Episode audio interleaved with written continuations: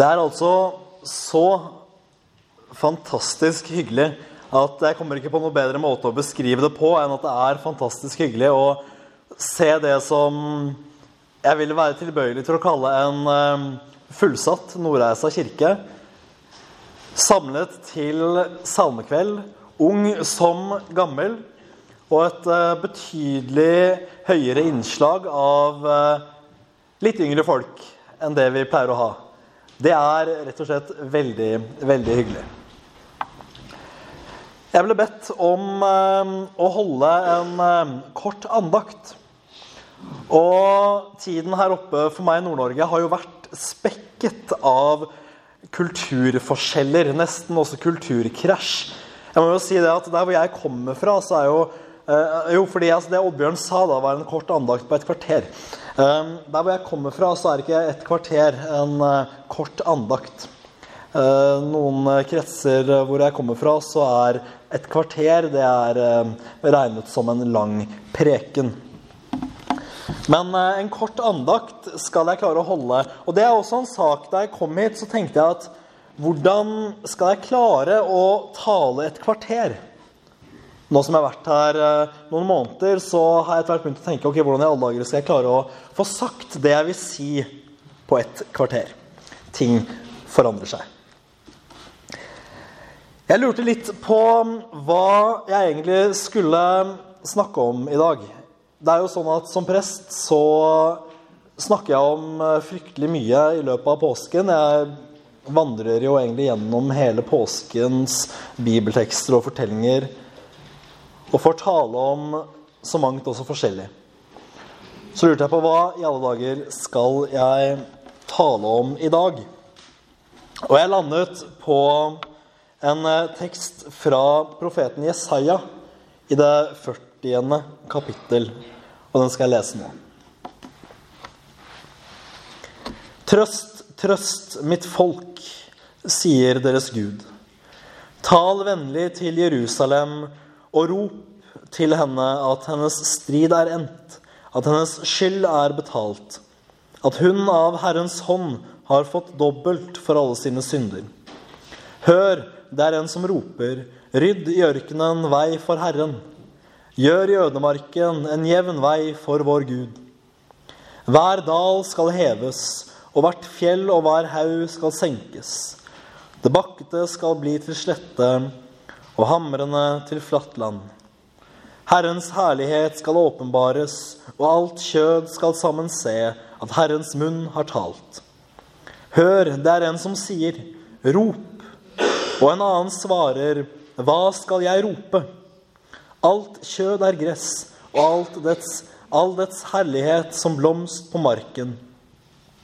Gresset blir tørt, blomsten visner når Herrens ånde blåser på det.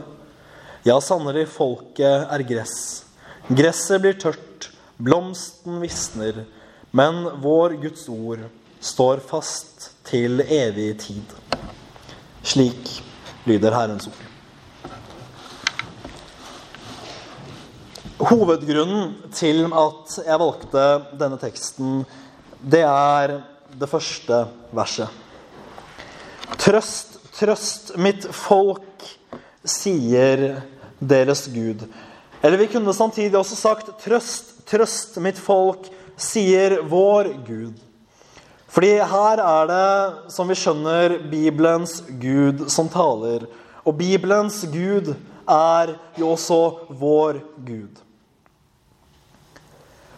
Og dette her er et viktig budskap til oss.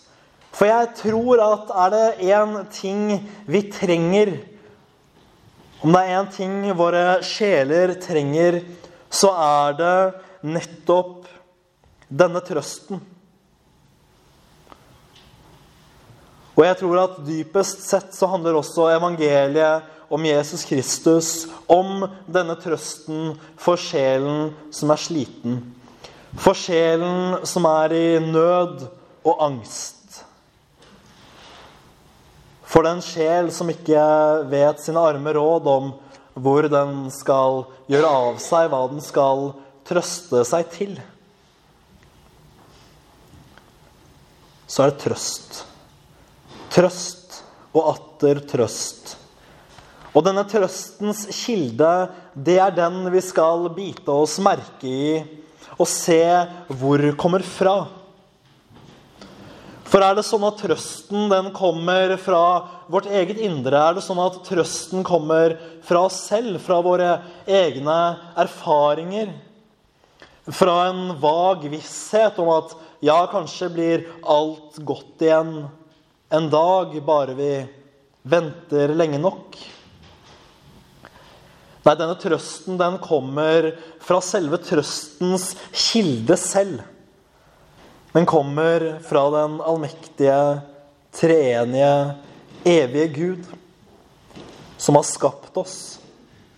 Vi knota det til. Men likevel vil han trøste oss. Likevel vil han se i nåde til oss. Og Det er også en av grunnene til at jeg valgte denne teksten. Det er fordi jeg tror at på mange måter så er trøst en veldig god oppsummering av påskens budskap. Og det er to ting vi må merke oss når det kommer til denne trøsten. Det første er, som jeg allerede har nevnt, hvor denne trøsten kommer fra. Og det andre er hva denne trøsten stoler på. Og en annen ting Det blir kanskje tre ting. Jeg burde etter hvert lære meg å ikke si hvor mange ting det er, for jeg har en lei uvane med å legge ting til etter hvert. Så det som skulle bli, være to ting, det ender opp med å bli tre eller fire. Men jeg tror også at en god måte å se på hva noe er, er også å se på hva det ikke er.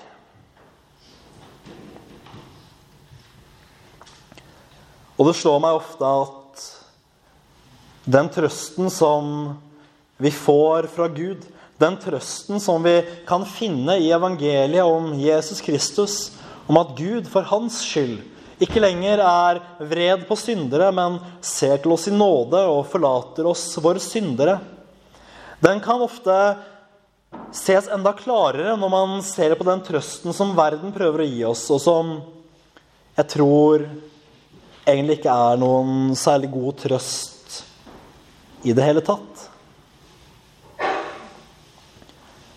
For hvis vi tenker på den trøst som samfunnet rundt oss prøver å trøste oss med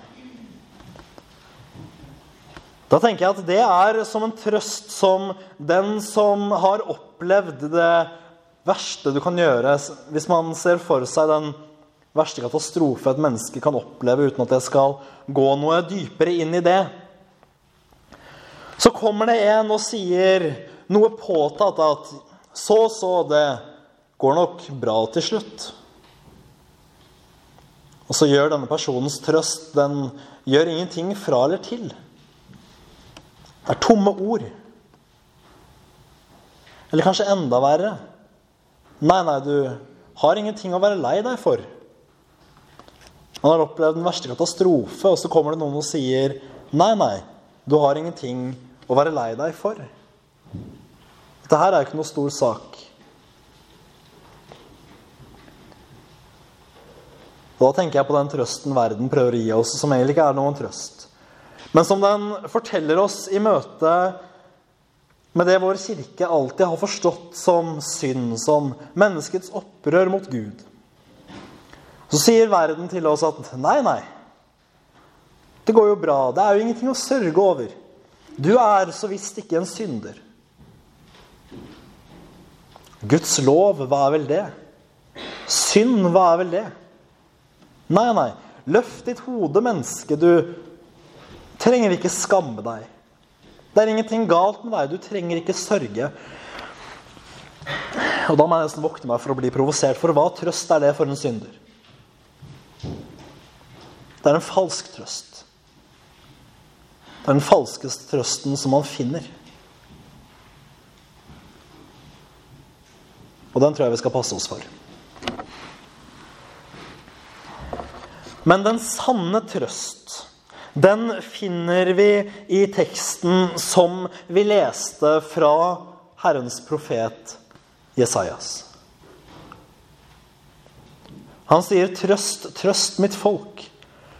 For det første som jeg begynte på å snakke om i sted, så er det Gud selv som kommer med denne trøsten. Men hva består denne trøsten i? Jo, den består i fred med vår Gud. Den består i at når Jesus frelser oss, så lever vi ikke lenger våre liv i strid med Gud. Vi lever ikke lenger våre liv i den opposisjonen som vi alltid har gjort. Hennes strid er endt. Hennes skyld er betalt. Hennes skyld er betalt. Etter at vi fikk evangeliet om Jesus Kristus, så ville vi sagt det på en annen måte. Vi ville sagt våre synder er oss forlatt. For der finnes den sanne trøst. Der finnes den sanne omsorg. Den sanne, sanne oppreiselse for en synder. Og Det er et av mine viktigste prosjekter som prest, og noe som jeg taler gledelig og ofte over. Det er nettopp det at vi skal ikke frykte når vi er syndere. Ikke så lenge vi tar vår tilflukt til Jesus Kristus og det han vant for oss på korset. Da skal vi ikke frykte. Det er sånn sett ikke noe negativt i å være en synder. Uten frelsen så er det jo selvsagt det. Men er vi ikke syndere, så trenger vi heller ikke Jesus. Hvis vi går fra denne erkjennelsen av våre synder og bort fra den og over til Jesus, da vil vi finne at der er det fred. Der er det forlatelse for våre synder. Der er evig liv. Og I synsforlatelsen så er jo hele påskebudskapet, hele påskens fortelling, oppsummert. For skulle du oppsummert hele påsken i ett ord, så ville det jo selvfølgelig vært frelse. Og tenk på det, at denne frelse, denne trøst, den ble lovet oss for så lenge siden. Her taler profeten først og fremst da om døperen Johannes.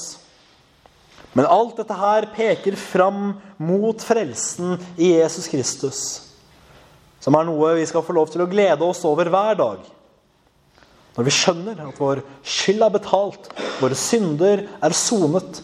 Jesus Kristus har gjort alt dette for oss.